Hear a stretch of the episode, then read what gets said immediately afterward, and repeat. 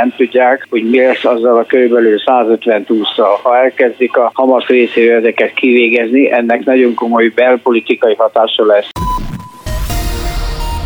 és külpolitikai is. Mert kérdés, hogy a világ hogy ítéli meg Izrael lépéseit. De az is kérdéses, hogy ki nyeri meg a lengyelországi választásokat, és aki nyer, az tényleg nyere. Mindezt, és azt is, hogy Orbán Viktor találkozik-e Putyinnal, megtudhatják a következő percekben.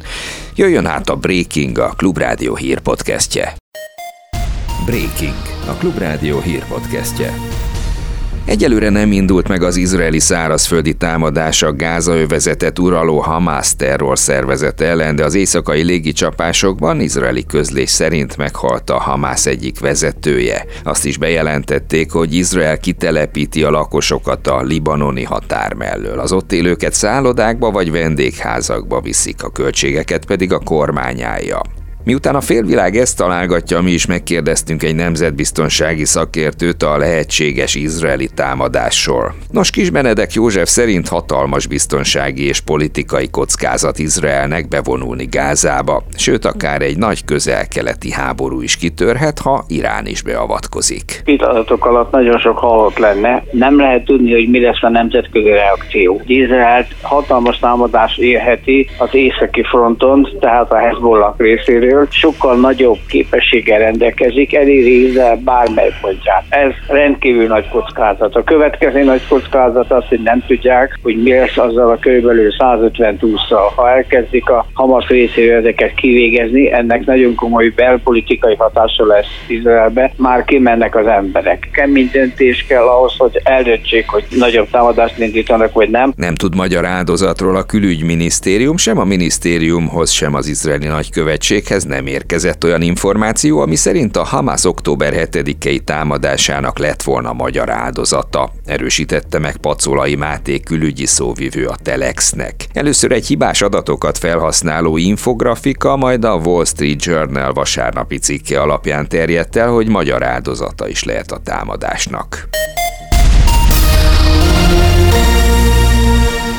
Egy ilyen konfliktusnak sok vonatkozása van a saját bőrünkön tapasztalhattuk például az ukrajnai háború nyomán a télen, hogy mi lett a fűtés számlánkkal. Ehhez képest most aránylag jó hír, hogy egyelőre nem igazolódott be, hogy az izraeli események miatt a hazai benzinkutakon is beindul az áremelkedés. A kutak árai szerdától változatlanok maradnak, tudtuk meg Bújdos Esztertől, a holtankoljak.hu főszerkesztőjétől. A benzinliterenkénti átlagára így továbbra is 603 forint marad, míg a gázolajé 650. Itt az olajára kiegyzés árában az a fajta emelkedő tendencia még nem jelent meg olyan ütemben, hogy az már itt a magyarországi árakban is megjelenjen, úgyhogy hát örüljünk annak, hogy itt még maradnak a múlt hét pénteki átlagárak, és hál' Isten a bejelentett vagy várható áremelés az még váratja magát. Most!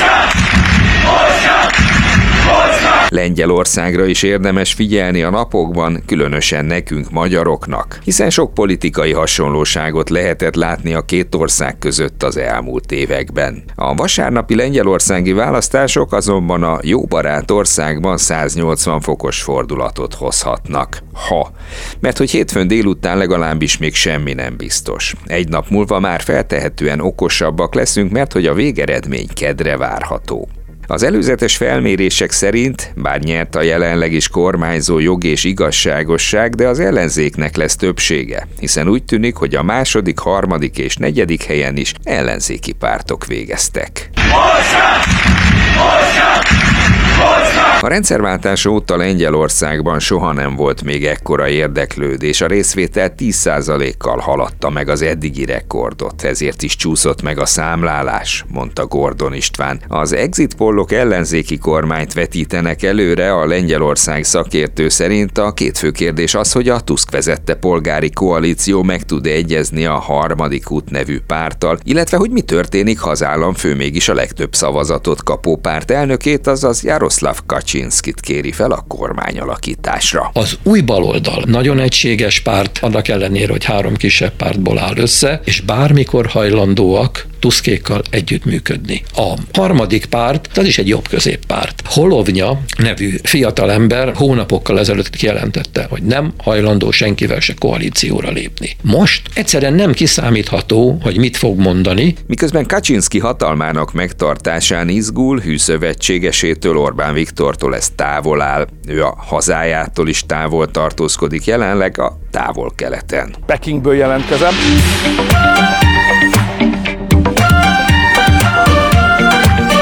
A magyar kormányfő egy olyan konferencián vesz részt, ahol Vladimir Putyin is ott lesz. Bele Pekingben Orbán Viktor még nem találkozott, de Li Qian kínai kormányfővel igen, és mint jelentette, aláírtak tíz gazdasági megállapodást. A kínai övezetés út konferencia után vissza a nagy magyar valóságba. Egyre nehezebb helyzetben van a magyar vasúti közlekedés, ezúttal a Pápa és Csorna közötti mellékvonalon kellett lassító intézkedéseket meghozni, így az eddigi 50 perces út most 75 perces lett, és a helyzet összességében lehet még rosszabb is, figyelmeztetett Meleg János a vasutas szakszervezet elnöke. Nem vagyunk az alján, tehát ha nem lesz ide pénzt téve kormányzati oldalról, nincsen koncepciójuk jóformán. Be kellene dönteni a kormányzat részéről, hogy most a párhuzamos közlekedést fönt kívánja tartani továbbiakban, vagy egyik régióban azt preferálja, másik oldalon pedig a vasúti közlekedés. Én remélem, a vasúti közlekedés fejlesztésére fognak sokkal több energiát fordítani, mint a közúti fejlesztésre. Bár még nem tartunk az időjárásnál podcastunkban, az mégis, mint a nyírkos idő beférkőzik már a híreink közé. Ugyanis Bendázsevszki Anton szerint az esős idő lelassítja a harcokat Ukrajnában, és emiatt hamarosan véget fog érni az ukrán ellentámadás. Ugyanakkor az oroszok is nagy veszteségeket szenvednek el, és ők sem tudnak újabb területeket elfoglalni. Jegyezte meg a poszt-szovjet térség szakértője. Lokális sikerek voltak, de túl erősnek bizonyult az orosz védelem. Nem tudott komoly eredményekkel járni az ukrán ellentámadás, és most már biztosan rövid időn belül véget kell, hogy érjen, hiszen jön a hideg és az esős időjárás, amely nem teszi lehetővé a támadó jellegű hadműveleteket.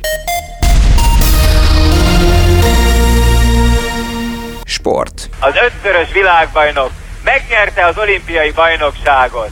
Olimpiai bajnok Balcó András! És lehet olimpiai bajnokunk öttusában Los Angelesben 2028-ban is, hiszen a sportág megúszta. A NOP közgyűlése megszavazta a végrehajtó bizottság javaslatait, így a 28-as olimpia programjában szerepelni fog az öttusa, és egyébként mellette a súlyemelés is, a box viszont nem kapott elegendő támogatást. A botrányok tépázta amatőrököl vívás szénája azért áll rosszul, mert még mindig nincs olyan világszövetsége, amit a NOB elfogadna.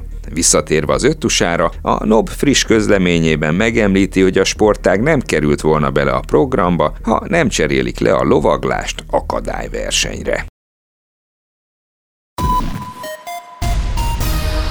Végül pedig az időjárásról. Miközben a hét első napjain hamisítatlan őszi időnk lesz, a hét második felében szeszélyessé válik majd az idő. Szélre és csapadékra is van kilátás, ugyanakkor visszatérhet a meleg. Számokba öntve, a következő napokban nyugodt őszidő várható 11 és 17 Celsius fok közötti csúcsokkal, hajnalban pedig már több felé fagyhat. Aztán jön egy felhősebb, csapadékosabb idő helyenként erős széllel, ám öröm az ürömben, hogy ezzel együtt melegebb 13-20 fok közötti fokok várhatóak, de délen a hétvége felé akár 28 fok is elképzelhető az előrejelzések szerint.